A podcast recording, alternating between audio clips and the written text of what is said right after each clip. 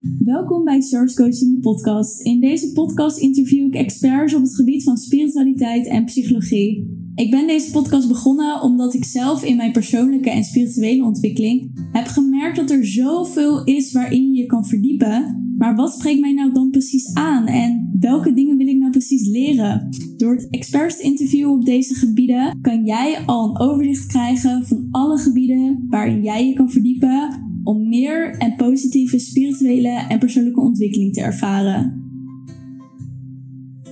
Hallo lieve luisteraar, welkom terug bij een nieuwe podcastaflevering van Charles Coaching. Vandaag is het interview live. Live hier op Ibiza met mijn vriendinnetje Evie.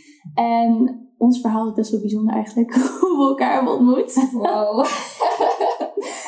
Niet alleen hoe we elkaar hebben ontmoet. Gewoon de hele Ja, alles gewoon inderdaad. Het is echt bizar. Maar ja, uh, Evie heeft dus ook uh, orthomoleculaire therapie gestudeerd. Nee, ongeveer. Ongeveer, zeg het maar. Introduceer jezelf. Ja, dus ik ben orthomoleculair hormoonspecialist.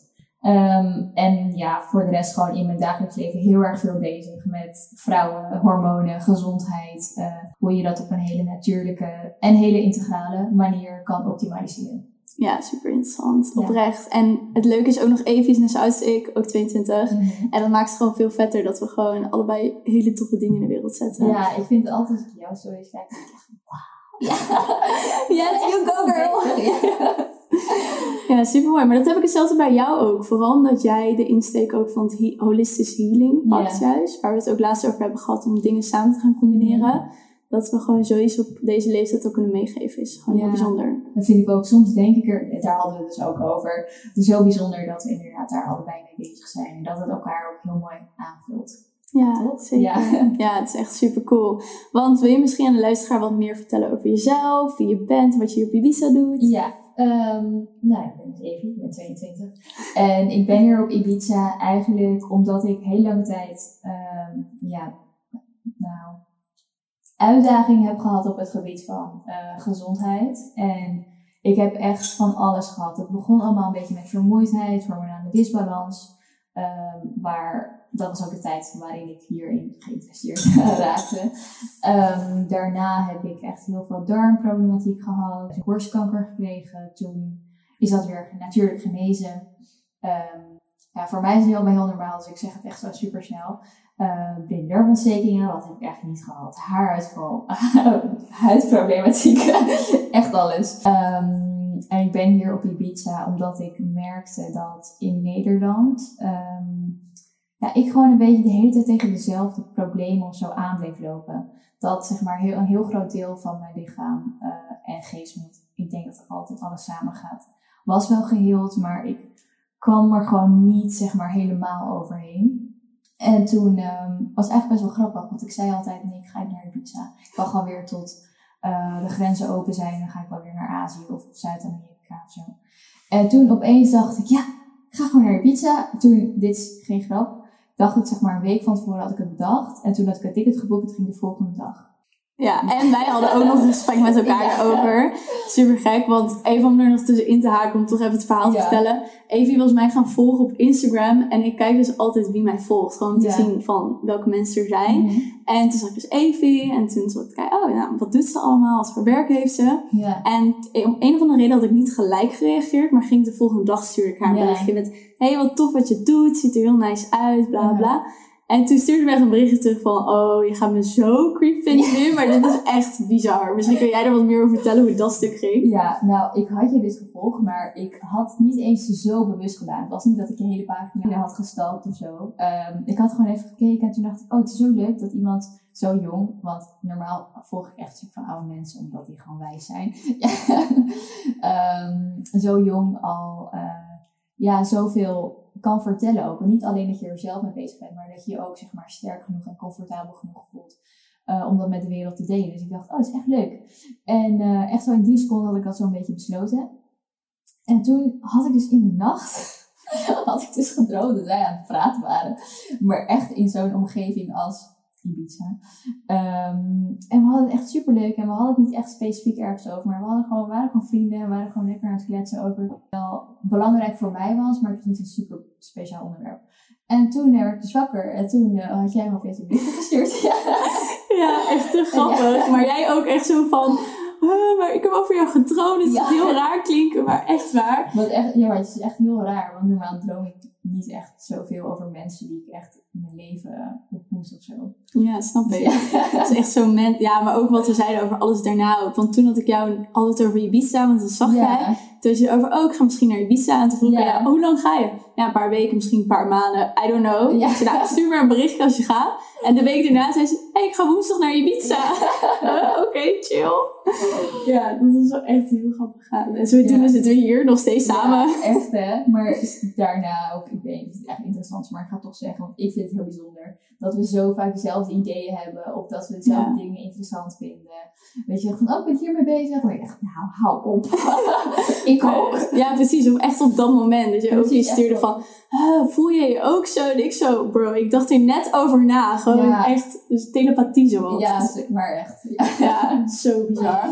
Maar het ding is ook dus dat eh, ik Evie heb uitgenodigd op de podcast om te praten over hormonen. Omdat ik een maand geleden eh, ben gestopt met mijn anticonceptie. En toen heb ik op Instagram daar ook over gedeeld. Toen heb ik eh, in mijn stories gevraagd, hey, wie is er gestopt? Kan je me wat meer info geven? En dan wil ik graag weten wat je ervaring is. Mhm. Nou, toen kreeg ik echt super veel reacties van, oh, echt best wat je kunt doen, la la la. Toen dacht ik, nou, Ja. ik ga ermee stoppen. Helemaal mee eens. Snap ik, dat jij er heel mee eens Mhm. bent. En toen ging ik ermee stoppen. En nu ben ik een maand ongeveer gestopt. En ik merk dat het eh, ja, echt wel verschil brengt. Ik had ook heel erg, toen ik dat idee binnenkreeg van waarom doe ik, heb ik eigenlijk nog de prikpil. Ik wil zo meteen op wereldreis gaan, is helemaal niet handig. Waarom? En toen zat ik gelijk aan een andere anticonceptie te denken. dacht ik, huh, maar ik kon toch ook helemaal geen anticonceptie nemen? Het ging zo gek eigenlijk. Want het bizarre vond ik ehm, dat ik ben toen eerst, heb ik aan de pil gezeten. Toen twee of drie jaar later aan de prikpil, omdat ik zoveel last had van hormonen. Mhm. Maar nooit was het in me opgekomen om geen anticonceptie te nemen. Ja. Omdat ik kende niemand die geen Mhm. anticonceptie had. Dus dat was gewoon zo bizar dat je daar niet eens over nadacht.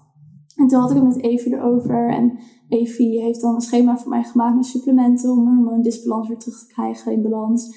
En ja, ik vond het allemaal zo interessant. Dus ik kan het zo mooi uitleggen dat ik dacht, nou, Evie, we moeten hier een podcast over nemen. Ja, hier een podcast over opnemen. Want dit is gewoon iets wat elke vrouw moet weten. En elke jonge meid eigenlijk ook voordat ze aan de pil gaan. Ja, e- eigenlijk voordat ze opgesteld worden, vind ik.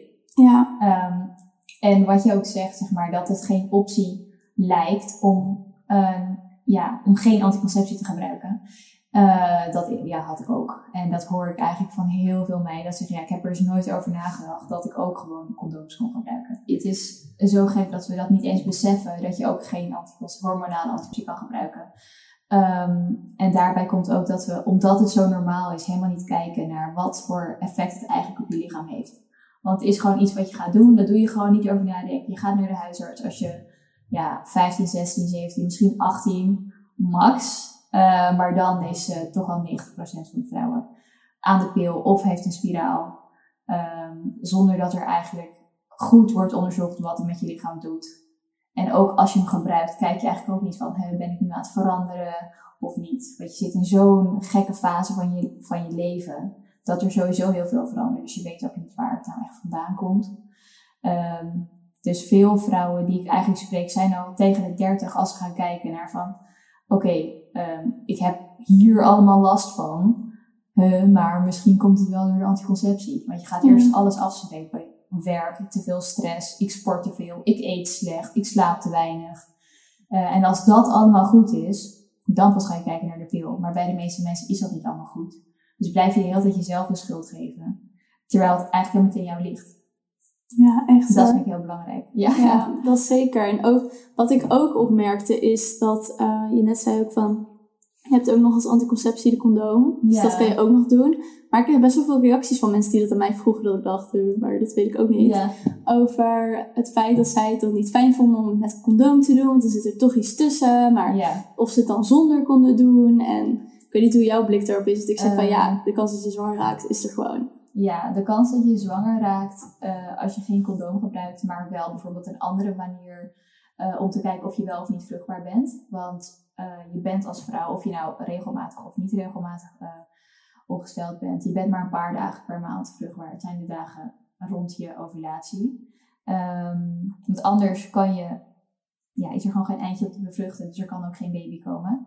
En je kan het bij jezelf testen. Dus bijvoorbeeld om je temperatuur, door je temperatuur op te meten. Je kan nog andere dingen meten in je lichaam. Zodat jij weet wanneer je vruchtbaar bent en het gaat worden. Omdat sperma kan een paar dagen in je baarmoeder overleven. Dus als je zeg maar seks hebt voordat je vruchtbaar bent, kan je daarna alsnog zwanger worden als het eitje er dan later bij komt. Oh, echt? Uh, ja. Extra mensen luisteren dit als ze van... Um... Ja. Daarom kan je dus ook in theorie, zeg maar, ongesteld, uh, zwanger worden als je seks hebt terwijl je ongesteld bent. Als je mm. hebt. Dus dat zijn allemaal wel dingen uh, wat je goed ja, in de gaten moet houden. Um, ik geef niet per se advies over welke anticonceptie uh, je moet gebruiken, omdat ik ook denk dat het belangrijk is dat je als vrouw gewoon veel uh, leert over je eigen lichaam en op basis daarvan beslissingen maakt voor jezelf. Ja. Um, maar ja, ik kan wel zeggen dat als je gewoon een hele regelmatige cyclus hebt en je kan je lichaam goed controleren. Um, en je hebt het misschien al een maand of twee maanden gewoon met condoom gedaan, zodat je je lichaam leert kennen over een langere periode. Dan kan je het, het grootste deel van de tijd zonder condoom doen en dan een paar dagen of geen seks hebben. Dat hoort ook van um, ja, wel vriendinnen die dat doen, of het met condoom doen. Hm. Ja, en dan ben je in principe veilig. Ja. Nou ja, kijk, elke vorm van anticonceptie uh, heeft wel een, een klein risico. Maar ja, de pil ook, de spiraal ook, de koperspiraal. Ja, uh, het is niet allemaal 100% ja, veilig. het is allemaal minder dan 100%.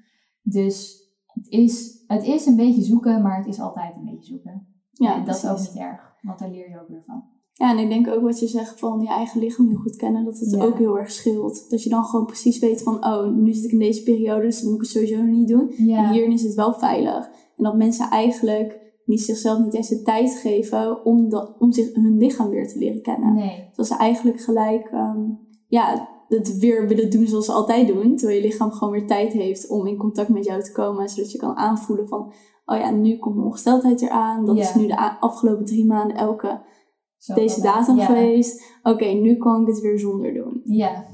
Ja, en het heeft ook niet, het heeft natuurlijk ook te maken dus met wanneer je ongesteld wordt. Maar het heeft veel meer te maken met dat je echt kan weten wanneer je ovuleert. Dus niet dat je met een app, want dat hoort ook van mensen, dat ze bijvoorbeeld uh, kijken wanneer ze dan ongesteld zijn en dan doen ze daarna 14 dagen na de eerste dag van je menstruatie is in theorie ovulatie. Maar het is gewoon niet altijd zo. Uh, want je kan een kortere cyclus hebben of een langere cyclus of uh, je kan een keer een menstruatie hebben gemist. Um, dus daarom is het belangrijk om niet zo gewoon te tellen. Dus niet helemaal theorieboekje te volgen, maar echt te kijken naar jouw lichaam. Wat dat zegt. Um, want dat is gewoon waarheid voor jou op dat moment. Want heb jij ooit überhaupt anticonceptie genomen? Ja, ik, heb, uh, ik wilde dus niet de pil. Uh, wat op zich best bijzonder was, want iedereen slikte de pil en mijn moeder had ook de pil gebruikt. Maar ik was echt zo van, oh je in mijn lichaam, ik wil het niet.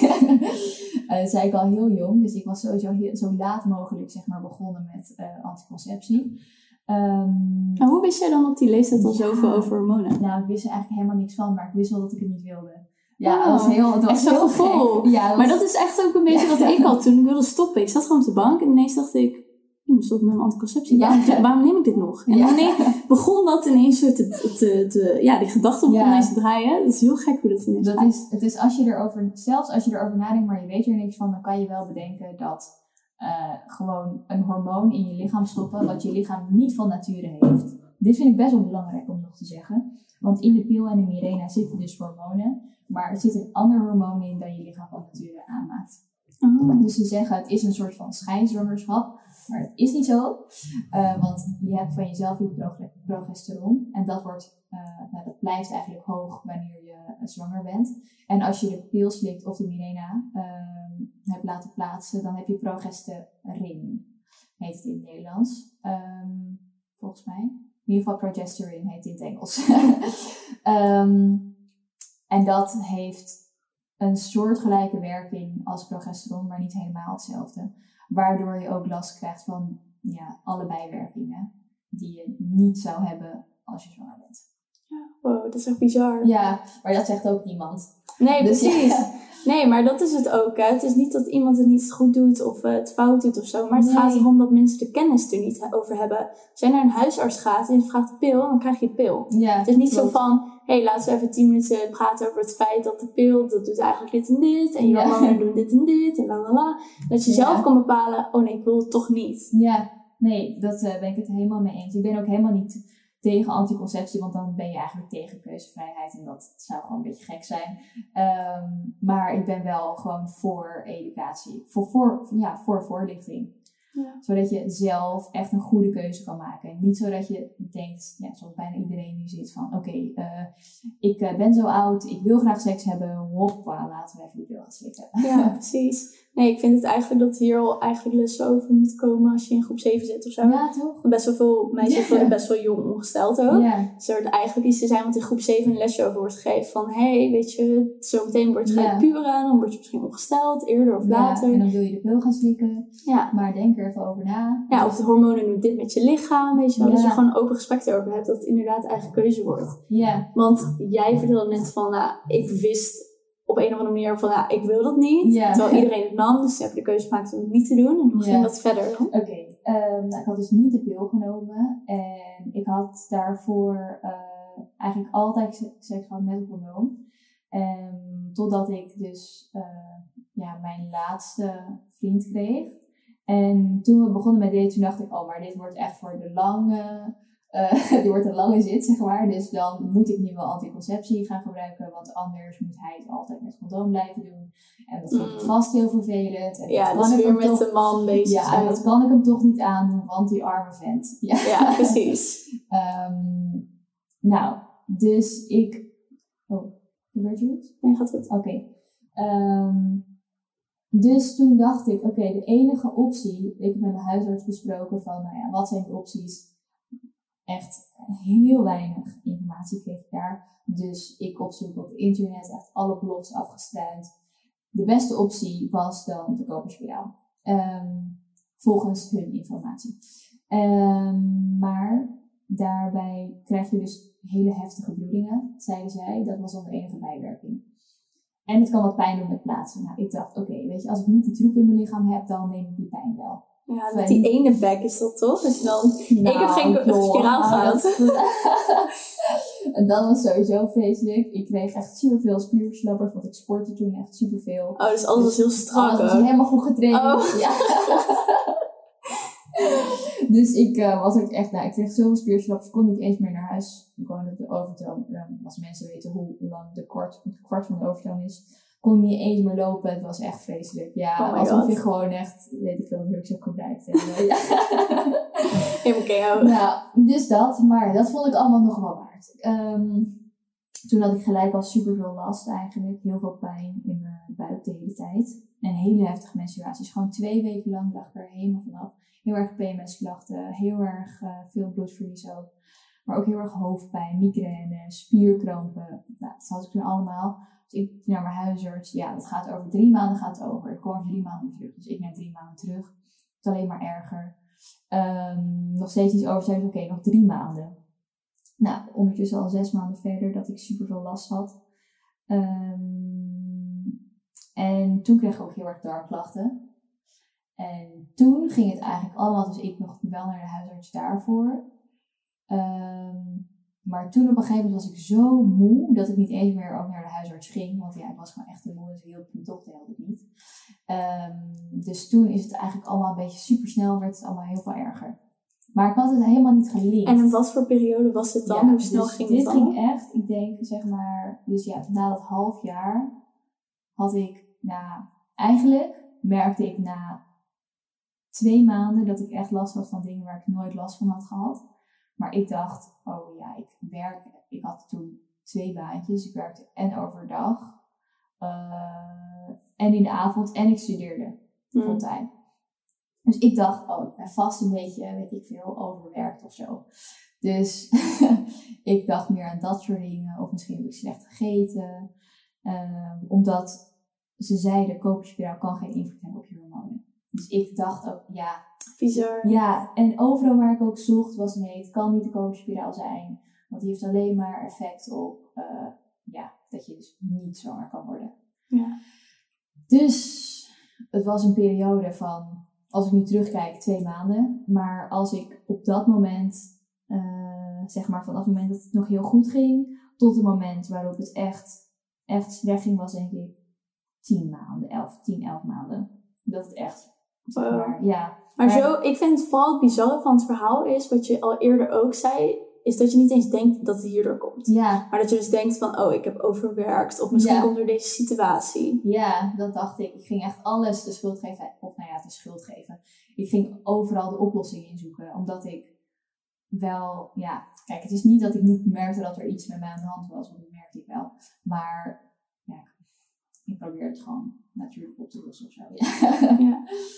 en... Um, je wordt ook niet gehoord door artsen. zeg maar, overal waar ik mee kwam, was het gewoon de hele tijd van ja, nou kijk nog maar even aan, kijk nog maar even aan. En dan kwam ik met mogelijke diagnoses en dan was het de hele tijd weer, ja, nou, het was gewoon, je wordt gewoon niet gehoord. Op internet staat geen, geen relevante informatie. Niemand begrijpt je, je begrijpt jezelf ook niet. Want je denkt, wat er is er met mij aan de hand? Ja. Ehm, en daarbij was ik ook ontzettend moe. Ik had ook gewoon geen zin meer. En toen op een gegeven moment was ik zo moe dat ik echt alleen nog maar op de bank kon liggen. En zo. Dan, ja. dan, ja, dan laat ik het ook maar. Of zo, dan liet ik het ook maar. Maar denk je dat het misschien ook, waar ik nu ineens aan denk, uh, nog erg voor jou was die klachten doordat je al zo lang zonder had gedaan en dat je hormonen helemaal hun eigen weg hadden gevonden en dat je toen ineens weer zoiets hebt genomen? Denk je dat het meer invloed had? Mm, nou, het, ik ben wel heel gevoelig uh, voor alles. ook voor crèmetjes en zo, als ik dat op mijn huid smeer, dan heb ik gewoon 9 van 10 keer gewoon een, rode huid daarna. Dus mijn lichaam is wel gewoon, reageert heel erg op um, ja, stoffen van buitenaf. Maar ik denk, ik denk eigenlijk dat het juist beter is voor je lichaam om uh, eerst een goede cyclus te krijgen van zichzelf, zodat je lichaam leert hoe die hormonen balanceren en wat allemaal werkt voor jou. Um, en om dan daarna eventueel zou je het nog willen om dan anticonceptie te gebruiken voor een paar jaar. Als je bijvoorbeeld wil experimenteren of zo. Uh, ik weet ja. niet. Ja, want dat vond ik ook ja. bizar. Hè? Toen ik stopte met de anticonceptie en ik ging wat meer over lezen en met jou over praten, dacht ik echt, wow, ik heb gewoon mijn lichaam nooit de tijd gegeven om normaal mijn hormonen te laten werken. Dat idee vond ik echt heel bizar. Ja. ja, je bent gewoon eigenlijk nooit, nou, dit is dan voor jou, want jij hebt dan uh, wel, zeg maar, hormonen in je lichaam uh, ja, gespoten. ja, ik had een prikpil trouwens, ja, luisteraars. Dus daar, daarom letterlijk. Um, en daardoor heb je dan geen ovulatie. En daardoor, oh, dit is ook interessant. Daardoor heb je dus eigenlijk geen menstruatie, want de menstruatie is de bloeding die volgt na de wisseling van hormonen. Uh, terwijl als je anticonceptie slikt, dan heb je wel bloeding, maar je hebt eigenlijk meer een soort van doorbraakbloeding. Dus eigenlijk ben je dan ja, heel weinig, uh, maar ongesteld geweest. Ja, terwijl ik had dus wel heel erg last van die doorbraakbloedingen. Maar ja. echt heel extreem. Daar had ik met jou ook over. Dat ik dus nu heel erg bang was om te stoppen. Omdat ik zulke erge doorbraakbloedingen ja. had. Dat ik gewoon, ja, ik heb dat verhaal ook gedeeld op Instagram. Dat ik gewoon in de winkel stond en gewoon de vloer lag onder bloed. Omdat ik ineens een doorbraakbloeding had en niet voelde. Ja, ja dat is gewoon echt gewoon scheid. Ja, dat is echt vreselijk. Ja, dat is echt niet leuk. Dat is, ja, maar dat, dat hoor je echt niet. Dat heb je niet als je gewoon je eigen hormonen hebt en ze gebalanceerd zijn. Maar het is wel. Ja, en terwijl het heel bizar is, want ik kan me dat dus niet eens voorstellen, dat het niet hoort. Omdat ik het al zo lang heb, kan ik me niet voorstellen dat je normale menstruatie kan krijgen. Als je hormonen goed werken. maar, ja, het is super gek. Het is heel gek. Het is, het is dat ook wat mensen ook niet beseffen, is dat je bijvoorbeeld ook geen PMS-klachten hoort te hebben. Dus als je bijvoorbeeld, je hoort niet eens echt cravings te hebben geen buikpijn, geen hoofdpijn. Niet, ja, je kan wel een heel klein beetje licht vermoeid zijn. Uh, maar je wordt voor de rest nergens last van hebben. Hm. En dit komt dus dat mensen er wel last van hebben doordat ze de anticonceptie nemen? Uh, ja, nou ja, dat kan. Uh, maar stel je gebruikt geen anticonceptie en je hebt toch last, dan kan het komen door bijvoorbeeld ook een disbalans in je hormonen, niet veroorzaakt door anticonceptie. Dus dat je bijvoorbeeld dingen eet waar je niet tegen kan. Of dat je tekort hebt aan bepaalde vitamines, mineralen. Uh, of uh, ja, je bent een beetje overwerkt of overtraind. Dat zijn allemaal dingen die kunnen leiden door tot klachten de menstruatie. Ja, want iemand vroeg ook nog, we hadden, ik had in mijn story, Ja. jij ook gevraagd Ja. of mensen vragen hadden. En toen zei Shannon, zei ook van, kan je het weer in balans brengen door middel van voeding? Ja, nou dat kan. Dat eh, is eigenlijk wat ik doe. je hebt ook echt niet iets anders. Ik zou ook eigenlijk heel weinig andere dingen kunnen bedenken die je kan gebruiken om op een natuurlijke manier je lichaam weer in balans brengen. Behalve voeding en levensstijl. Ehm, ja, en natuurlijk jouw hele kant van dit verhaal. Ehm, eh, dus ja, je kan voeding gebruiken. Het is moeilijk om een algemeen advies te geven, omdat elk lichaam weer anders is. Dus je kan niet zeggen, dit moet je eten en dat moet je slikken. Eh, want misschien heb jij ergens een sensitiviteit voor, wat geen allergie is. Maar toch, dat je lichaam er toch niet helemaal lekker op gaat. Ehm, ja, of je hebt, omdat je veel sport, een bepaald vitaminetekort. Dus dan moet je echt eventjes per persoon kijken wat voor jou werkt. Maar je kan voeding heel, heel makkelijk eigenlijk gebruiken. En moet dan binnen twee maanden. Zou dat wel echt weer goed moeten zijn. En raad je mensen dan aan om naar bijvoorbeeld iemand zoals jij te gaan, om Ja. dat uit te werken? Ehm, ja, eigenlijk raad ik dat wel aan. Er zijn nu ook best wel veel, hoef niet per se naar mij, het kan echt naar iedereen. Die, Ja, ook verstand- bijvoorbeeld. Ja, ja, die er verstand van heeft, eh, bij wie jij je prettig voelt, waarvan je het gevoel heeft dat zij of hij weet waar hij het over heeft. Ik zou dan wel naar ehm, iemand gaan die hier echt in is gespecialiseerd, omdat heel veel diëtisten of bijvoorbeeld trainers op je sportschool of zo, die weten hier ook bijna niks van af. Dus dan geven ze je een dieet of een normaal suppletieschema wat eigenlijk gebaseerd is op hoe een mannelijk lichaam eh, zou werken. Dus daarom is het wel belangrijk dat je dus iemand zoekt die hier echt ervaring mee heeft, die dit vaker heeft gedaan, die goede reviews heeft, ehm, die, eh, die jou hierbij kan helpen. Mhm. En als, stel je voor, de luisteraar denkt, oh, Ja. ik wil dit heel, ik wil kijken wie er nog meer is Ja. naast jou die dit soort werk doet. Waar moeten ze dan op zoeken? Op wat voor termen? Of, Ehm, nou, je kan bijvoorbeeld kijken naar hormoonconsulent of hormoonspecialist of ehm, dat, ja, menstruatie-expert. Ik denk dat dat een beetje de woorden zijn die mensen gebruiken. Oké, top. Ja, of op Instagram. Kan je, ja, En ook kijken. Ja. ja, want ik heb ook wel eens gezien bij mensen die hormoonconsulent zijn, dat Ja. zij ook van die eh, bloedafnames doen om Ja. naar je hormoon te kijken. Hoe zit dat dan? Klopt. Ehm, je kan een bloedtest doen om te kijken hoe. Ja, je bedoelt, bedoel je EMB-testen? Ja, dat. Dus het wordt even niet meer. Ja. Ehm, ja, doet dat. Heet ze Jip Isabel of zo? Ja. Ja, zij doet dat. Ik ehm, doe dat zelf niet. Zij kijkt dan naar vitamines, eh, mineralen sowieso in je bloed. Dus wat de huisarts eigenlijk ook doet, maar dan veel, eh, die tests zijn veel gevoeliger. En ze kijken ook naar de hormoonlevels in je bloed. Ehm, en dan kan je dus bijvoorbeeld kijken, veel vrouwen hebben een probleem met m- ja, oestrogeen. En dat heet dan oestrogeendominantie. Maar het hoeft niet per se te betekenen dat je echt te veel oestrogeen hebt. Het kan ook zijn dat je te veel van actieve vorm van oestrogeen hebt. Dus is een beetje oestrogeen tegenover progesteron. Ehm, ja, en ook bijvoorbeeld stresshormoon, dat kunnen allemaal worden getest. En op basis daarvan kan je ehm, dan heel specifiek een dieetschema maken. Maar vaak zijn die eh, ja, symptomen van die disbalans ook gewoon in jouw lichaam terug te zien. Dus daar, ja, het is goed als je het heel specifiek wil weten. Ehm, het, het is niet altijd nodig. Soms wel, niet altijd. Nee, Ja. goed te weten. Ja, en ik wilde ook nog wat vragen over eh, wat je net zei met eh, sporten Ja. en mannelijk dieet, want daar ben je ook in gespecialiseerd. Ja, nou, dat vind ik echt super interessant. Ehm, wil je je vraag nog afmaken? Ja, want het maakt niet uit. Je mag er helemaal over beginnen Ja. hoor. Maar we hadden het net al voor de podcast interview al over dat je zei iets heel moois van ja, dan ga je als vrouw, ga je meedoen met je partner, met het dieet en met sporten. Ja. En dan is je partner lekker fit aan het worden en jij ziet er nog steeds hetzelfde uit of je bent aangekomen of ja, het is gewoon net niet wat je wilde. En daar is jij best wel, ja, heb jij heel veel kennis over hoe dat in elkaar steekt. Klopt. Nou, dit vind ik dus echt heel leuk, omdat ja, het andere vind ik ook heel leuk, maar dit eh, doet niemand anders. Ehm, dus daarom voel ik me ook een beetje. nee, maar het is gewoon heel mooi hoe je eh, zoveel meer resultaat, maar ook zoveel meer balans en zoveel ja, meer rust, zeg maar, kan creëren bij vrouwen, ehm, niet alleen vrouwelijke atleten, want daar zijn we dan natuurlijk mee begonnen. Oh, wacht, ik moet even dit hele verhaal vertellen. Ja, ik ga nu een beetje hard. Ehm, ja, ik vind het dus heel interessant om te zien hoe vrouwen, als ze gaan sporten, bijna altijd tegen dezelfde problemen aanlopen. En dat is vaak dat ze of geen progressie boeken, ehm, terwijl ze zich wel, misschien zelfs beter dan mannen, aan hun dieet en aan hun trainingsschema houden.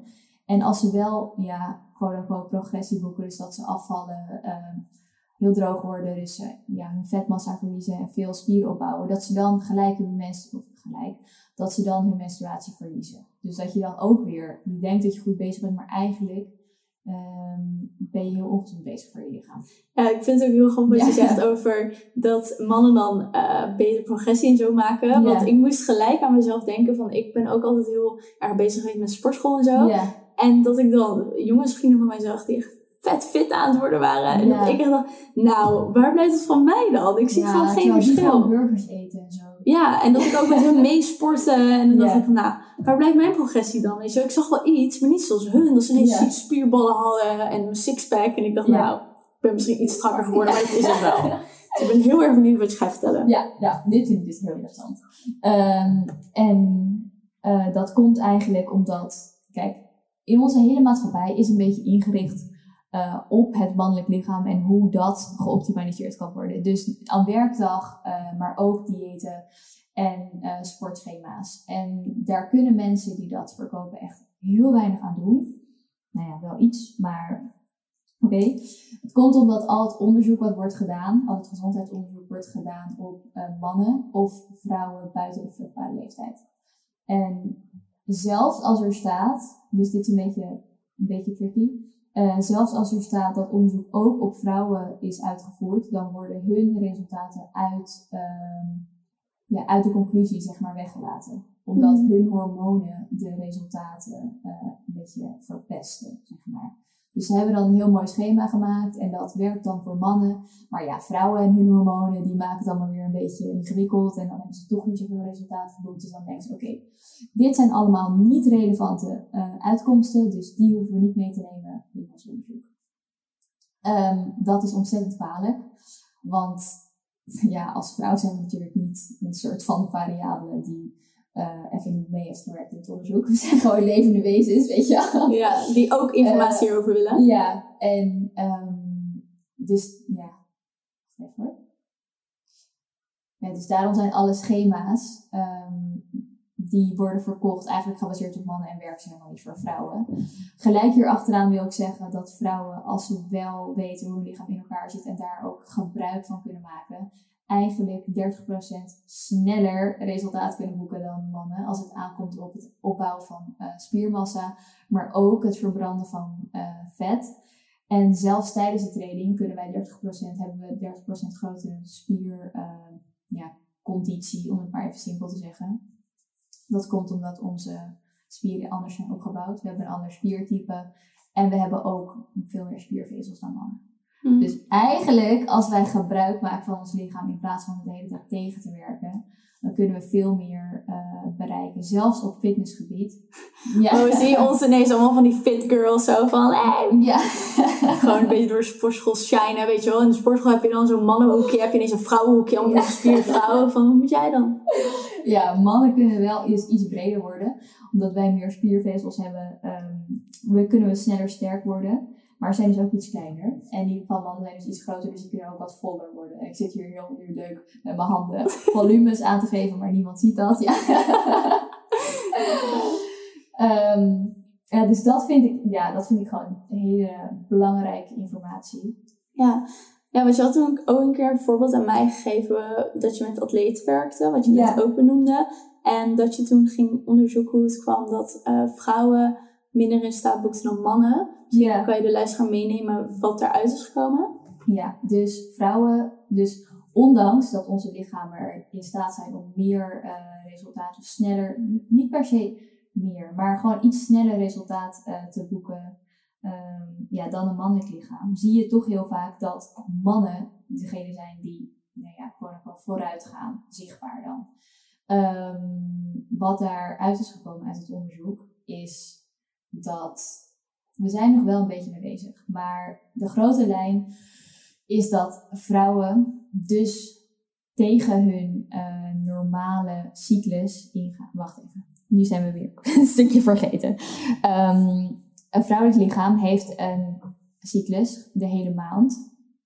Dan gaan we door verschillende fases heen. En die fase is niet alleen ongesteld of niet ongesteld.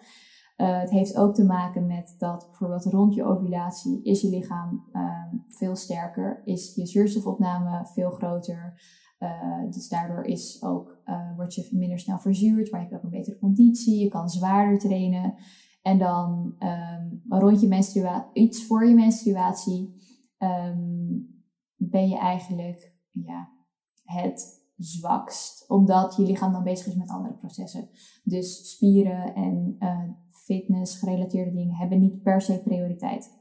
Dus als je op dat moment wel hele zware krachttraining of cardio gaat doen, dan werkt je lichaam eigenlijk zo tegen dat er zo'n grote stressprikkel komt dat je in de uh, ja, komende weken, dat werkt echt nog weken door, um, meer vet gaat opslaan en spieren gaat verbranden, waardoor je de progressie die je al dan niet eerder hebt gemaakt, eigenlijk weer helemaal tegenwerkt. Mm. En dat is eigenlijk de reden, um, de grootste reden waarom vrouwen minder resultaten boeken dan mannen.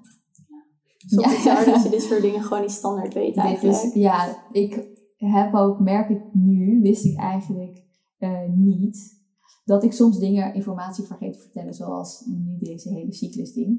Um, omdat voor mij is het nu zo normaal, omdat ik hier dus al een paar jaar dan mee bezig ben. En is gewoon, dit is gewoon info die gewoon iedereen heeft. Ja, dat is niet niemand zo weet dit. Ja. Nee, want dat vond ik dus ook interessant, want ik ben nu heel erg benieuwd van, oké, okay, zo meteen over twee of drie maanden, hoop ik, of misschien langer, ja. zit, kom ik weer mijn normale cyclus. En dan ook uh, dat je met de maan ook yeah. cyclus hebt, weet je wel, met mm -hmm. volle maan dat je ongesteld wordt. Yeah. En dat je dus ook met een soort van seizoenen kan werken in je cyclus. Dus uh, rond je ongesteldheid is dan yeah. uh, je, de wintertijd zit yeah. rustig aan. Maar ook dus met sporten. Dus je yeah. ook weet, ik ga niet heel intens sporten. Nee. Is het is gewoon bizar dat wij zo erg met de natuur leven als vrouwen. Wij zijn gewoon echt... de natuur. Ja, ja. wij zijn gewoon de natuur. Quote. quote. Ja. Even Michel, wij zijn de natuur. Nou, dit is dus echt mijn quote die ik echt al heel lang, sinds ik hier ben, heb ik het echt in mijn hoofd. Ook gewoon zeewater, weet je, als je daar naar kijkt. Dit vind ik gewoon zo mooi. Ik ga even hierover uitweiden. Zeewater heeft gewoon dezelfde essentiële uh, mineralen. Gewoon alle essentiële mineralen die ons lichaam nodig heeft. Die gewoon in ons bloed zitten. En dan kijk je naar de maan en dat is dan weer onze cyclus. En je kijkt gewoon naar alle kwaaltjes die je in je lichaam hebt, en kan je oplossen met een of andere plant die ergens op de wereld groeit. Ja, en wat denk je dat wij leven op aarde kunnen brengen? Ja, dat, dat is, ook, toch ook bijzonder. Ja, dat is ja. super bijzonder. Maar ook daarom, dit soort informatie, dit is gewoon wat je al van jongens af aan eigenlijk zou willen weten. Ja. Dat dit is hoe het werkt en dat je zo als vrouw zo krachtig bent eigenlijk. Mm. En dus ook dat je vaak jezelf vergelijkt met de mannenmaatschappij tussen haakjes. Ja. Terwijl ja, ja, wij als vrouwen kunnen helemaal niet meegaan met de mannenmaatschappij, want we zijn geen man. Nee, Punt. precies. En to, toch proberen we het wel, met sport bijvoorbeeld ja. inderdaad. Ja, ik vind dat dit is natuurlijk ook een hele grote. Want waarom vrouwen eigenlijk geen resultaat boeken? Niet dat het een eigen schuld dikke beeld is, want zo kan het nu misschien klinken. Maar we proberen altijd zo... Kijk, vrouwen en mannen zijn gewoon even krachtig, even sterk. We kunnen dezelfde dingen bereiken, maar misschien niet op dezelfde manier. Maar omdat de man zo boven de vrouw is verheven, letterlijk. Als je, gewoon alleen al als je kijkt naar onderzoek. Alle informatie is gebaseerd op de man. Alsof dat de enige persoon hier, of het enige gender hier op aarde is. Ja, het is gewoon een beetje gek. Um, ja, dus omdat wij zo graag willen laten zien dat we dat ook kunnen. Dat we ook sterk zijn, dat we ook krachtig zijn. Uh, dat we ook gewoon iets kunnen bereiken. Proberen we daar dezelfde tools voor in te zetten als voor een man heeft gewerkt. Maar ja, dat gaat gewoon niet, want we zijn gewoon geen man. Nee, precies. Ja. Het wordt tijd om gewoon de dingen te doen die bij ons als vrouw passen. Zodat ja. we in onze kracht gaan staan. En ja. niet in de kracht die we van de mannen willen overnemen. Ja, van onze nee, eigen kracht. Precies, precies. En daar gaat eigenlijk, want we praten nu heel veel over hormonen. Maar ja, eigenlijk praten we ja, heel veel over kleine dingetjes, zeg maar, vind ik. Um, zoals je kan een vrouwencirkel doen of je kan met je hormoon leven, je kan met je cyclus leven. Maar Het gaat er eigenlijk gewoon om dat jij gewoon accepteert dat je vrouw bent. Dat je ziet dat je zo ongelooflijk sterk bent. En dat je dat gewoon oont. Ja, Ja. maar echt. Dus je en dat oont je, ja, ook. dat je hem oont en dat je er gebruik van maakt en dat je het inzet. Ehm, in plaats van dat je achter iemand aan blijft lopen die je nooit kan worden. Nee, precies. Ja. Want we zijn vrouwen, zeg je. Ja, Ja, super mooi. En wat ik net ook bedacht, is dat ik een soort van ertussenin ben gegaan in jouw verhaal. Ja. Over jou, hoe jij van de anticonceptie bent begonnen Ja. en gestopt. dus misschien nog wel leuk dat we er even nog naar terug gaan. we het even afmaken. Ja, dat we dat even afmaken. Ehm, ja, kijk, bij mij was het natuurlijk ook een beetje een vaag verhaal, omdat ik ook al die ziektes tussendoor kreeg. Ehm, was dat ook, het was niet door de anticonceptie, toch? Sommige? Nou, het, ik wil niet zeggen dat alles door de anticonceptie is gekomen. Want ik geloof ook dat sommige dingen, sommige lessen in het leven moet je gewoon leren. En als het voor mij dat ziekte eh, dat heeft eh, gebracht, dan had ik het toch wel op de een of andere manier gekregen. Eh, maar veel ziektes eh, zijn denk ik wel gerelateerd geweest aan kopervergiftiging die ik van de koperspiraal heb gekregen. Ehm, ook nog goed om te zeggen trouwens. Ja, want wat is Als dat je dus precies? een koperspiraal hebt, eh, dan zegt je huisarts: koper is gewoon een natuurlijk metaal die in je lichaam voorkomt. Eh, dus het is niet erg dat dat in je lichaam eh, zit. En overschot, dat plas je gewoon uit. Dat zijn mijn huisarts, want ik had er echt specifiek naar gevraagd. Maar, verrassing, dat is dus niet zo. ja. Surprise! Ehm, koper slaat zich op in je lichaam. Ehm, of nou, koper blijft een tijdje in je bloed zitten, maar het is, een overschot is giftig voor je lichaam. Daarom heet het kopervergiftiging. Eh, dus je lichaam haalt dat uit je bloed, slaat dat op in je vetcellen. Ehm, daardoor ontstaat een kopertekort, omdat je lichaam heel efficiënt wordt in het opslaan eh, van koper. Maar je hebt dus een kopertekort in je bloed, terwijl je een koperoverschot in je vet hebt. Ehm, koper is sowieso giftig, daarom mag je ook niet te veel eh, bijvoorbeeld grote vis eten, zoals zalm. Zegt ze ook altijd van, hoe pas er een beetje mee op. Of drink geen water uit een koperleiding. Allemaal dat soort dingen, daar is wel aandacht voor. Maar koperspiraal, daar wordt dan even niet over nagedacht. dus heel veel dingen waar ik last van had. Ik had ook best veel last van ehm, angsten. Ook goed om te zeggen dat heel veel, niet alleen eh, fysieke ja, klachten of symptomen eh, komen door anticonceptie, maar ook heel veel mentale klachten komen daardoor. Dus bijvoorbeeld depressie, eh, angsten, burn-out, gewoon dat je hoofd een beetje wazig is. Ehm, wat hebben we nog meer? Migraines, of nee, misschien migraines, maar ook als je normale hoofdpijn hebt of gewoon overal een beetje vermoeid. Dat heeft daar ook heel erg mee te maken. Ik had, kreeg echt heel erg last van hele erg allemaal gekke angsten. Echt, ik, ik weet niet eens meer waar ik allemaal bang voor was, maar ik weet nog wel dat ik op een gegeven moment zelfs bang was om naar buiten te gaan. Omdat ik had gewoon een soort van, als mensen me zien, dan gaan ze allemaal rare dingen zeggen en dan gaan ze me heel stom vinden. Dus ik blijf maar, ik, was een hele, ik had allemaal hele irreële angsten. Maar voor mij was het super echt. Eh, dus ik had er heel veel last van. En dat komt dus ook door kopervergiftiging. Het is niet raar als je dat hebt. Ik heb ook een platform, ik ga even een shout-out naar mezelf geven. Het heet Femra Co. En daarop zijn heel veel, ja, daarop zijn heel veel verhalen eh, van vrouwen die ook een koperspiraal hebben gehad. Die ook allemaal psychische klachten daarvan hebben gekregen. Yes, ik ga hem sowieso in de show notes Ja, plaatsen. dus je kan... Want het eh, is best wel gewoon intens. Mensen krijgen ook OCD eh, dingen. Ik heb zelf, ja, ik weet niet, misschien heb ik het ook al gehad. Ik weet het allemaal niet, maar het is gewoon heel intens wat je allemaal daarvan kan krijgen. Dus als je ergens last van hebt, ja, wat zijn de ehm, symptomen van een kopervergiftiging? de symptomen van een kopervergiftiging varieert echt ehm, van darmklachten, eh, heel erg PMS-klachten, ehm, tot ja, depressie en angsten. Maar het kan ook bijvoorbeeld zijn, eh, sommige vrouwen krijgen last van baardgroei, dus je eh, verandering in je haar, haaruitval, baardgroei, dat soort dingen horen er ook bij. Ik had zelf had ik best wel last van haaruitval, maar ik merkte het niet, want ik heb heel veel haar. En ik was een keer naar de kapper geweest. Nou ja, maakt niet uit. Ik merkte het gewoon niet. En totdat het echt heel erg heftig was. En ik dacht van, vroeger had ik heel veel haar en nu best niet meer. Ja. Ehm, dus dat zijn allemaal dingetjes waar je allemaal op kan letten. Maar ook gewoon vermoeidheid, spierkrampen, dat soort dingen. Het zijn allemaal symptomen van een koperspiraal. De lijst is heel lang. Ja. En wat kunnen, kan iemand die dit nu luistert dan het beste doen? Wel toch langs de Eh, huisarts gaan? Ja, het beste wat je kan doen als je wil kijken of je last hebt van een kopervergiftiging is een haaranalyse. Dus niet een bloedtest. Dit is best wel belangrijk, omdat ik, zoals ik al zei, koper wordt uit je bloed gehaald in je vet. eh, opgeslagen. Dat betekent dat koper dus niet terug te zien is in je bloedtestresultaten. Je moet daarvoor een haaranalyse doen. Dat is niet eens zo duur. Ik denk dat het ongeveer 100 euro kost. Moet je wat haren opsturen naar een lab en dan kijken ze naar eh, vitamines, mineralen eh, die op dat moment in je cellen aanwezig zijn. En wat ik nog even wil zeggen, van Ja. misschien dat iemand wel denkt, 100 euro dat is best wel wat geld. Als het om je gezondheid gaat, jongens, is het nooit te veel geld. Dat is waar. Alsjeblieft, als jij echt voelt van, Ja. dit is het misschien, betaal het dan gewoon. Ja. Weet je, het gaat om je gezondheid. Het is echt heel belangrijk. Het is, daar heb je eigenlijk wel gelijk in. Want ik denk nu 100 euro is niet veel. Omdat ik weet wat het mij heeft gebracht, denk ik, wat een minimale investering. Echt een grap gewoon. Ja, Ja. maar dat is het ook, hè. Want ik heb dat nu bijvoorbeeld ook met, eh, met die supplementen die je mij had gegeven. Ja. Nou, in die biowinkel was het echt 10 euro voor een zakje of zo. Ja. poeder in mijn hoofd. Ging gelijk, Uh-huh. nou, voor een zakje poeder 10 euro ben je helemaal gek geworden. En toen dacht ik, nee Char, je moet niet zo gaan denken. Je moet denken, dit is voor mijn gezondheid. Mhm. Dat is al het geld waard, oprecht. En daarom dacht ik er net aan. Van Nee, het is echt geven. goed dat je dat zegt. Want ik ben dus nu al zo'n tijdje mee bezig.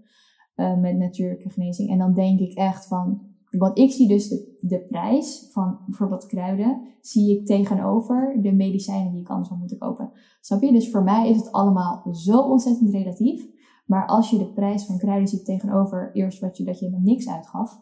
dan is het natuurlijk best wel duur. Ja, precies. Ehm, in Nederland kan je trouwens, dit is echt niet gesponsord, maar je kan dus bij Pit en Pit, kan je echt super, ja zo heet dat, het is echt heel grappig die naam, maar je kan echt alle kruiden kopen en supplementen en, en dingen, het is echt super goedkoop. Dus zoek dat vooral op, ja. Ja, heel belangrijk. Ja, Ehm, wacht even hoor, 100 euro voor je gezondheid, daar hadden we het over. ja dat Ja. investeer erin. Het is, ja, en misschien kan je het zelfs terugkrijgen, terugkrijgen van je zorgverzekeraar. Ik kon dat niet, ehm, maar ik had toen ook een beetje een stomme verzekering. Dus misschien heb jij het anders en eh, kan het wel. En anders moet je het maar voor Sinterklaas vragen. voor Sinterklaas. Mama, mag Ja. voor Sinterklaas een haaranalyse test? Ja, nee, maar het is echt heel interessant. Veel interessanter dan een bloedtest, want je krijgt ook gewoon over een langere periode terug. En kan je dat gewoon bij de huisarts dan gewoon Nee, ja, dat is wel een beetje een ding. Je kan dat dus niet bij de huisarts. Eh, ik denk wel bij bepaalde specialisten. Ik heb het los, ehm, los besteld bij volgens mij haartest.nl. En volgens mij kreeg ik daar ook nog supplementen bij ter waarde van de test. Dus Oh. ja, het is allemaal... En het is wel gewoon legit allemaal. het is gewoon legit. Ja, Ja. dit is wel gewoon... Het klinkt een beetje zo'n vage website, Ja. haartest.nl. Nee, ja, het is iets van Vita. Nou, whatever. Ik krijg het allemaal niet betaald, dus ik hoef niet te weten. Ja, precies. Maar je kan gewoon kijken bij wat jij fijn vindt. En misschien zelfs als je naar je huisarts gaat en je zegt: luister, ik wil dit. Dit is ook heel belangrijk. Huisartsen gaan gewoon niet naar je luisteren. Maar jij hebt gewoon het recht als patiënt om dingen te eisen. Dat mag jij in Nederland. Eh, dus als jij een bepaalde test gedaan wil hebben, dan kan je dat gewoon aanvragen. Ja, en wat ik hier ook bij wil toevoegen is dat ik het zo belangrijk vind dat als jij aanvoelt dat er iets met je is, en ook al zegt de huisarts nee, het is niet zo, alsjeblieft blijf dan achteraan gaan. Want ik heb het ook met mijn, eh, mijn oma gehad, die had, eh, heeft ook bo- borstkanker gehad. En die heeft toen medicatie moest slikken, maar Mhm. ze slikte al wat voor Ja. andere dingen. Toen zei ze van, nee, ik heb het gelezen, het voelt niet goed, ik ga dat niet doen. Ja. Nou, nou oké. Nee, dat ga ik niet doen. Mijn oma zegt zo van, nee, ga het niet Mhm. doen, punt, vind ik. En eh, toen zei de dokter van, nou oké, prima. En drie maanden later kwam ze weer bij een andere dokter. En die zei, mevrouw, het is maar goed dat u niet die medicatie had genomen. Want dan was u er waarschijnlijk niet meer. Want het kan helemaal niet met uw medicatie. Precies. Ja, dat dus dat, dat, dat verhaal ga ik ook nooit vergeten. Nee. Ik heb ook zoveel artikelen gelezen van mensen die zeiden, ja, ik had iets. En mijn huisarts zei dat het niks was, dit en dat. En achteraf had ik dit en dit en dit en dit. Ja, al ik. Ja. Ja, jij ook een voorbeeld ervan. Ja. Dus eh, dat is ook echter, als ik iedereen iets kan meegeven, eh, is het als jij denkt dat er iets mis is, ook al weet je niet precies wat het is, eh, blijf jezelf gewoon geloven. ja. Want ik bedoel, professionals, natuurlijk, ze weten dingen, ze weten echt heel veel. Ze Maar jij, ja, ze hebben het niet altijd goed en jij kent jezelf het beste. Jij leeft altijd met jezelf. En wat er ook nog is, zeg maar, zij sturen jou naar huis en zij zijn dan soort van van je af, maar jij blijf met jezelf zitten. Ja. Ehm, ja, en ook denk ik wat je heel mooi zegt, is dat het professionals zijn. Dus we hebben een bepaald beeld, een bepaald statusgevoel bij een dokter. Van, oh, een dokter die weet wat ik heb. Oh, als hij zegt dat er niks is, dan zal ik het wel fout hebben. Want een dokter weet ook niet alles. Nee, een dokter weet gewoon niet alles. En Nee. hij doet echt wel zijn best. Ik ben ook echt niet tegen conventionele geneeskunde, ook al maak ik er zelf niet zo heel veel gebruik van. Behalve misschien om te diagnosticeren.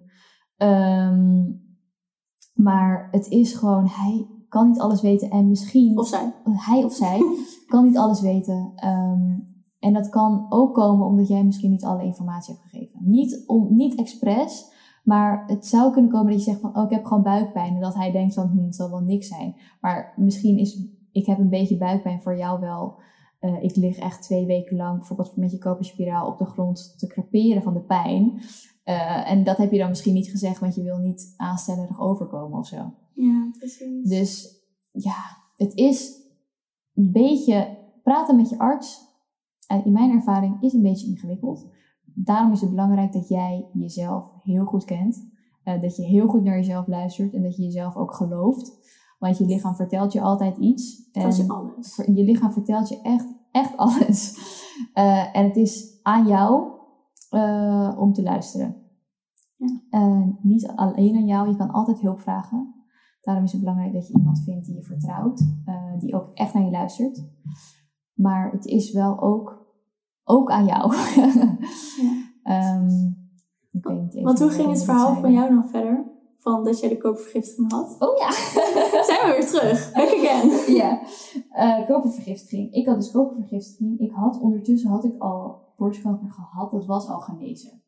Ehm, dus dat had ik al gehad. Maar toen bleef ik gewoon last hebben van echt vage, eh, vage dingetjes. Darmklachten, vermoeidheid, eh, hoofdpijn. ehm, ja, hele heftige menstruaties die ook al minder waren geworden. Maar nog steeds niet, nou ja, niet relaxed waren. En toen op een gegeven moment, toen eh, dacht ik, weet je, misschien is het gewoon een stomme spiraal. Want ik was weer ongesteld en ik dacht, dit gewoon. Zo erg, dit kan niet normaal zijn.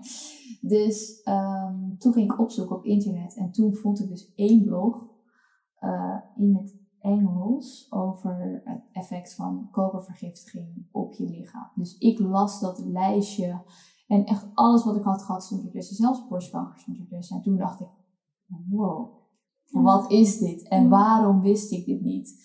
Waarom weet niemand dit? Waarom heeft niemand mij dit verteld? Nou, dus ik huisarts gebeld, volgende dag gelijk dat ding eruit gehaald. Eh, gelukkig kon het, want ik wilde het echt niet meer. Ik voelde me zo, ik weet ik voelde me zo vies ook, dat ik dat ding had. Ik echt van, moet er echt uit. Ja, dit moet uit Klopt gewoon niet meer. Ja, dit moet weg. Eh, dus ik weg, ehm, weggehaald. Ehm, trouwens, veel minder pijnlijk voor iedereen die daar bang voor is. Eruit halen is echt een grap gewoon. Het is alsof je moet niezen. Het ding is gewoon weg. ja. Dus daar hoef je echt niet bang voor te zijn. Ehm, het is echt niks in vergelijking met het plaatsen. En toen had ik het eruit gehaald, toen merkte ik, denk ik, na die eerste menstruatie was nog best wel heftig. Omdat ik ook, ik geloof wel dat de menstruatie ook een soort van ja, reinigingsfunctie heeft of zo in het lichaam. Eh, en je hebt natuurlijk heel lang die kopervergiftiging gehad. En koper, eh, als dat in je bloed is, dan kan het ook met je menstruatie een klein beetje er, ja, er weer uitgaan. Dus ik dacht van, mijn eerste menstruatie was dus heftig, maar ik vond het niet zo gek. En toen echt na, ik denk drie, vier maanden, ehm, was mijn menstruatie weer bijna normaal. Zeg maar normaal in de zin van zoals het eerst was. Voordat ik een koperspiraal had. Dus het gaat best wel snel allemaal. Ging Ja. bij mij best wel snel. Eh, maar kopervergiftiging kan je nog wel eh, tot twee jaar na het verwijderen, of na het verwijderen van de oorzaak, zeg maar, nog last van hebben. Mhm. Daarom is het belangrijk dat je je lichaam goed ondersteunt. Ja. En wat valt voor jou onder goed ondersteunen? Ja, voor mij is goed ondersteunen eigenlijk heel holistisch. Dus eh, sowieso goede voeding. Ehm, maar goede voeding is voor iedereen ook weer anders. En die is ook weer anders voor iemand met een kopervergiftiging versus iemand zonder kopervergiftiging. Daarom is het belangrijk dat je niet een What I Eat in a Day video of zo volgt. Eh, En dat ook ja, gaat doen. Ja, en dat ook gaat doen. Ehm, dus nou, wat voor mij dan goede voeding is. Ehm, ook heel veel kruiden gebruik ik. Ik gebruik niet heel veel supplementen. Ik gebruik meer, nou ja, zo, eigenlijk zoals jij er ook voor gekozen hebt om uh, je supplement, ja, dus gewoon vitamines, mineralen uit kruiden te halen. Omdat ik ook geloof dat het in de natuur ook zo in een goed opneembare vorm nou ja, gewoon voorkomt. Ja. Uh, dus niet dat je denkt van ik moet drie. Het is heel vaak zo dat als je bijvoorbeeld ijzer nodig hebt, dan moet je dat slikken in combinatie uh, met vitamine C. Maar als je gaat kijken naar hoe dat in planten voorkomt, dan is het al heel vaak al samen. Ja. Uh, dus daarom kies ik ook voor kruiden. Um, en ook gewoon op een opbouwende manier bewegen. Dus niet zeg maar waar we het net over hebben gehad, gewoon op een manier die voor je lichaam goed is. Uh, bewegen, meditatie, uh, ontspannen. Dus proberen niet te veel uh, stress te hebben zeg maar, van je dagelijkse dingen, maar ook niet van bijvoorbeeld trauma's. Want dat is ook heel belangrijk. Um, omdat dat natuurlijk ook een constante ja, stressfactor is in je lichaam. Uh, dus ja, op, op, die manier, denk ik. Ja. Uh, heel, heel holistisch, echt op alle vlakken. Ja. ja, precies. En wat als iemand dit nu luistert en denkt, jeetje, wat veel dingen, waar moet ik beginnen? Ja, waar wat moet je beginnen? Ja, wat zou je dan aanraden? Ik denk dat het heel goed is om te beginnen um, bij gewoon luisteren naar je lichaam. Dus als jij op dit moment, uh, dus gewoon even zitten, even tijd nemen, je van alles afsluiten. Maakt niet uit of dat in je kamer is of in een bos. Uh, maar gewoon even met jezelf kijken hoe jouw lichaam op dit moment voelt. En als je op dit moment voelt dat je heel erg spierkramp hebt, nou, dan moet je even wat aan de spierkramp gaan doen. Uh, en als je op dit moment voelt dat je een enorme onrust in je lichaam ervaart, dan kan je gaan kijken, oké, misschien kan ik door voeding uh, mijn lichaam iets minder gestrest maken, maar misschien heb ik ook psychisch uh, van mijn werk iets wat me nu op dit moment uit balans brengt. Um, ik denk dat de makkelijkste manier gewoon is uh, beginnen bij het einde, letterlijk. Dus je hebt nu dit lichaam wat je nu hebt. Kijk waar je het meeste last van hebt. Doe daar iets aan. Kijk wat er weer naar boven komt waar je op dat moment iets aan kan doen. Ja, het is dus echt een stapjes. soort van gewoon kleine stapjes. En kleine stapjes zijn ook vooruitgang. Weet je? Ja. Het is super cliché, maar kijk gewoon waar, waar je op dit moment het meest last van hebt. Doe er iets aan. Kijk waar je dan last van krijgt en doe daar iets aan. Ja, beetje bij beetje. Ja. En ik had ook van iemand een hele mooie tip meegekregen. Ik had het toen ook over die doorbraakbloedingen. ja. Toen zei ze ook van, maak connectie met je baarmoeder. Dus Ja. op het moment dat jij dus heel erg menstrueert, is er blijkbaar iets gekomen, of mentaal gezien, of dat je heel veel stress hebt gehad, waardoor je heel veel bent gaan menstrueren. Mhm. Dus ze zeiden van, ja, als je bijvoorbeeld mediteert, leg gewoon je handen op je baarmoeder en vraag gewoon ernaar van, oké, wat is de laatste tijd gebeurd dat ik zoveel klachten heb? En dan echt die connectie met jezelf maken. Ik vond het zo mooi. Ik dacht van, wow, dat is wel echt die verbinding met jezelf maken. Van waar komt het dan vandaan? Hoe kan ik het de volgende keer weer beter? Ja, ik anders? vind het ook, ik was ook vergeten dat het jouw luisteraars zijn, dat die er allemaal voor openstaan. Ja. maar dat vind ik inderdaad gewoon, je kan zoveel aan je lichaam vragen.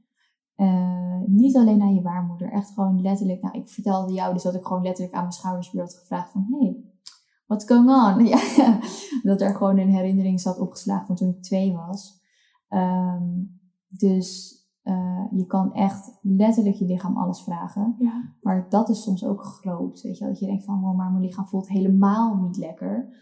Ja. Want dat kan ook, hè? ja, ik denk ook dat het is die disconnectie. Ja. Want ik heb ook best wel lang een disconnectie met mijn lichaam gevoeld. Omdat ik zo erg in Ik mijn hoofd ook. zat. Ja. Ja, heel erg in mijn hoofd. En met totaal andere dingen bezig dan met mezelf. Mhm. En dat is ook gewoon beetje bij beetje gewoon steeds meer gaan connecten. Door Ja. Wat je net zei, te mediteren. Of een keer te wandelen. Of een keer yoga uit te proberen. Ja. Of eh, gewoon in het bos lopen zonder koptelefoon. En Ja. even gewoon met jezelf te zijn. Of Mhm. eh, niet eens muziek luisteren qua meditatiemuziek. Maar gewoon je handen op het midden van je borst. En je andere hand onder aan je buik. En Ja. gewoon even ademhalen. En gewoon, oké, hoe voel ik me? Mhm. Hoe voel ik me? Gewoon zo'n vraag stellen aan jezelf. Ja, en dan- dat is precies wat ik bedoelde. Ja, en dan steeds meer krijg je die connectie met jezelf. Voor de luisteraar. Als jij iemand bent gelijk denkt, maar hoe moet ik zoiets vragen? En hoe kan dat dan? Begin gewoon met die connectie met jezelf gaan Mhm. voelen. Ja, en bij mij kwam dan, misschien is dat ook goed om te vertellen, eh, want het is best wel een grote stap. En dat ik dan nu zeg van, nou, ik had dus aan mijn schouder gevraagd. Wat is aan de hand? Ja. Hallo schouder. Kijk, ja. Ehm, het, bij mij begon het gewoon echt heel erg met eh, hoe voelt mijn lichaam? Oh, ik heb spierpijn in mijn linkerbil. Oh, misschien heb ik mijn oefening gisteren eh, heb ik scheef gestaan terwijl ik aan het squatten was. Weet je wel, van oh, ik heb, of ik heb een beetje buikpijn. Oh, misschien had ik niet uh, bijvoorbeeld linzen moeten eten. Of whatever je maar last van kan hebben. Um, ze zijn meestal heel erg van dat soort basic dingen waar je mee begint. Maar basic dingen maken ook een verschil, weet je wel. Want als je elke training uh, scheef staat tijdens het squatten, ja, uiteindelijk krijg je er ook een blessure van. Ja. Um, en als je zo een beetje soort van de hele ui kan pellen, dan uiteindelijk kom je wel bij uh, ja, waar je moet zijn. Of, of waar je, eigenlijk ben je altijd waar je moet zijn. Ja. Toch? Als jij krijgt van, hé, hey, uh, geen linzen meer eten, dat is ook een heel belangrijk iets. Weet je, daar moet je ook aan werken. En misschien krijg je later, krijg je misschien wel een betere connectie met je baarmoeder. Kan je echt vragen wat er letterlijk in je leven is gebeurd. Of welke herinnering er naar boven is gekomen. Ja. Um, maar dat hoeft niet meteen. Nee, precies. Want kleine, ja, kleine stapjes zijn ook belangrijk. Precies. Gewoon als, je één, als ik één concrete stap zou kunnen meegeven aan de luisteraar, is het gewoon om even, wat ik zei met die handen, gewoon dat bijvoorbeeld te doen. Even gaan luisteren, ja. even connecten. Ja. Even zeggen, hoe voel ik me? Ja. Bijvoorbeeld nu, als je het nu luistert, doe het even. Stel jezelf gewoon de vraag, hoe voel ik me nu? Hoe zit ik erbij? En wat ik wel belangrijk, ik weet niet of jij dit ook had, um, ik, we gaan hem afronden, maar ik wilde echt nog even zeggen. Want in het begin, als ik ging connecten met mijn lichaam, voelde mijn lichaam zo ontzettend oncomfortabel dat ik alle kanten op wilde vluchten. Letterlijk, als ik één seconde echt in mijn lichaam ging voelen hoe het voelde, dan voelde ik zoveel pijn, zoveel stress, zoveel discomfort, zoveel, nou ja, gewoon letterlijk stress van gedachten die ik mezelf gaf uh, op basis van dingen die waren gebeurd, maar ook dingen die uh, waren gebeurd van toen ik uh, nou ja, nog heel jong was. Dat allemaal bij elkaar gaf zo'n ontzettend oncomfortabel gevoel dat ik gewoon wilde rennen, alle kanten op. Letterlijk gewoon uh, gaan sporten of op mijn telefoon zitten of muziek aandoen of een podcast luisteren. Als ik maar niet echt hoorde wat er aan de hand was, kon ik gewoon niet aan. Um, dus dan ja, heb ik gewoon het beste wat je kan doen is zoek een plek waarop je comfortabel voelt, zodat je daar niet de prikkels van krijgt. En begin dan echt met kleine dingetjes. Ja. Maar het is dus ook heel normaal, denk ik, als je je niet lekker voelt in je lichaam als je begint. Ja, 100%. Want dat is de plek waarop je begint. Ja, ik denk dat voor mij is het vooral geholpen om mezelf veilig te voelen in mijn eigen lichaam.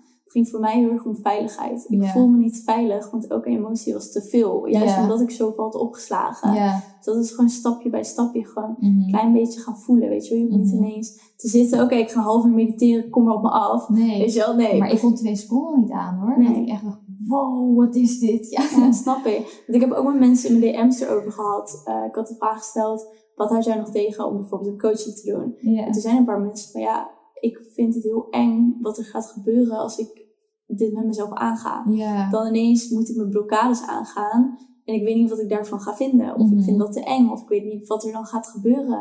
En het gaat gewoon heel erg om die veiligheid die jezelf te gaan waarborgen. Wat ik ook vond trouwens, uh, was ik was zo bang dat, dit gaat heel erg over wat jij zei. Ik was zo bang dat dingen die omhoog kwamen, dat die zeg maar ervoor zouden zorgen dat ik niet meer het leven kon leiden wat ik bijvoorbeeld had opgebouwd. Omdat ik bijvoorbeeld een trauma van vroeger, stel ik zou daarmee aan de slag gaan, dat ik dan bijvoorbeeld niet meer zou kunnen werken omdat het zo heftig zou zijn dat ik heel moe zou zijn of heel, weet ik veel, met mijn hoofd er niet meer bij. Uh, dus ik was echt zo bang voor wat er inderdaad omhoog zou komen. En dat het alles zou verpesten waar ik zo hard voor had gewerkt of zo. Uh, of dat ik er opeens achter zou komen dat de keuzes die ik had gemaakt helemaal niet waren gebaseerd op wat ik echt wilde. Maar meer omdat ik ergens ja, van weg uh, wilde rennen. Want het is, ja, ik denk dus dat iedereen altijd wel enige connectie heeft met zichzelf. Dus als je bang bent om te connecten, dan is dat ook al een antwoord dat is ook al connectie, weet je wel. Ja. Dan weet je ook al iets, heb je ook al geluisterd. Uh, dus dat is eigenlijk al een hele goede eerste stap. Ja. ja, want wat was jouw eerste stap hierin? Om het wel aan te gaan? Mijn eerste stap hierin. Het, ja, ik ben wel echt um, met mezelf uh, gaan zitten en dan luisteren naar de oppervlakkige dingen. Nou, gewoon wat ik al dus net zei. Ja, ik ben wel echt met mezelf gaan zitten. Misschien is sporten al een eerste stap. Dat zou ook kunnen. Dat ik dat niet eens als uh, stap zie. Maar ik ben wel, ik was natuurlijk ook best wel ziek. Dus ik ging heel veel soort van helingsgebedjes uh, zeggen. Dat ik gewoon er niet over na wilde denken, maar dat ik gewoon tegen mezelf zei van oké, okay, mogen alle niet letterlijk dit, maar iets van dat alle zichtbare en onzichtbare dingen die hiermee verbonden zijn, dat die uh, nou ja, gewoon mogen verdwijnen. En dan krijg je opeens heel veel beelden omhoog. Kwam er heel veel omhoog. En ik wist eigenlijk ook school wat ik daarmee moest. Dus dat was allemaal super overweldigend. Uh, maar ik ben wel dat zo gaan vragen. En ik ben niet gaan vragen om, hé, vertel me wat er aan de hand is, maar hé, hey, laat dit alsjeblieft gewoon even weggaan. ja. Dus ja, dat. Ik was echt ook niet toe of zo aan verdieping, want dat was allemaal veel te eng. Ja, snap dus, ik. Terwijl ik kan echt meegeven, nu ik die verdieping wel ben aangegaan, ben ik juist zo van, oké, let's go, volgende, wat gaan we doen, weet je wel? Ja, dat wilde ik ook dus zeggen, dat die dingen die omhoog komen helemaal niet zo overweldigend zijn als ze lijken. Nee. Omdat, omdat ze, als ze omhoog komen, dan, is dan maak jij ruimte voor die dingen om er te zijn. Ja. En dan zal je zien dat de druk juist wegneemt. Ja, en ik moet wel zeggen dat aan het begin, als je wel dit soort dingen met jezelf aangaat, kan het juist heel zwaar ineens worden. Het kan hè, want kijk, als jij jezelf gaat zeggen het wordt heel zwaar, dan wordt het heel zwaar. Maar je kan het ook heel licht maken. Maar vaak is het zo, als je er nog, nog nooit zulke dingen met jezelf aangegaan, dat het ineens is van, wat is dit allemaal? Maar daar moet je even doorheen. En dan ga je zien dat elke keer dat je dit doet, dat je je veel lichter en vrijer gaat voelen. Ja, dat wil ik Precies, ja. En dan denk je dus, zoals ik net reageerde, van oké, let's go, weet je wel. Ja, volgende stuk. Het is ook zo interessant. Ja, dat vind ook ik echt. Het is zo... Als ik nu ga mediteren, ik heb echt gewoon een hele wereld gewoon in mij. Het is zo interessant. Ik snap echt waarom ik vroeger nog naar een podcast... Ja, voor mij, we zijn nu een podcast aan het opnemen. maar ja vroeger had ik heel vaak als ik alleen was, dat ik echt geluid aan moest hebben of zo. Weet je, of nou een podcast of radio of tv was. Dat, dat moest me entertainen. Maar nu zeg ik gewoon van, oh, dat ik gewoon even in mezelf gaan kijken. Ja. of gewoon, ik heb dat ook met wandelen. Ik kan gewoon twee uur wandelen zonder, gewoon in stilte. Ik voel me echt gewoon niet. Nee, ik dacht echt dat het ja. voor oude mensen of zoiets. Om te stokken en dat je dan zonder geluid loopt. Maar nu denk ik, oh, het is zo lekker. Wat gewoon, openbaring. Ja, of gedachteloos. Of wel dat ik ineens wat voor me ga zien. Het is echt heerlijk. Ja. Alright, heel veel informatie in deze podcast. Mocht je dit hebben geluisterd en denken, wow Evie, je vertelt zoveel, ik wil meer erover weten. Stuur ons dan even een DM, stel je vragen en dan nemen we dat mee voor een eventuele volgende podcast. Want ik heb al wel het idee van, ik zou graag een beetje over sporten willen opnemen, over voeding. Ja, wil ik ook heel graag. Ja, om meer verdieping erin te kunnen geven. Dus die komen eraan. Mocht je vragen hebben, stuur ze dan op Instagram. Ik zet Evie's Insta ook in de show notes. En dan uh, gaan we hierbij afsluiten voordat we nog drie uur verder zijn. dan wordt het een beetje een lange podcast. Mhm. En laat ons vooral weten wat je ervan vond. Door een screenshot te maken van de aflevering en ons te taggen. Of een review achter te laten op iTunes. En dan uh, zien we je weer. Of, nou, ik zeg altijd zien of luisteren, maar tot de volgende keer. Ja. Doei!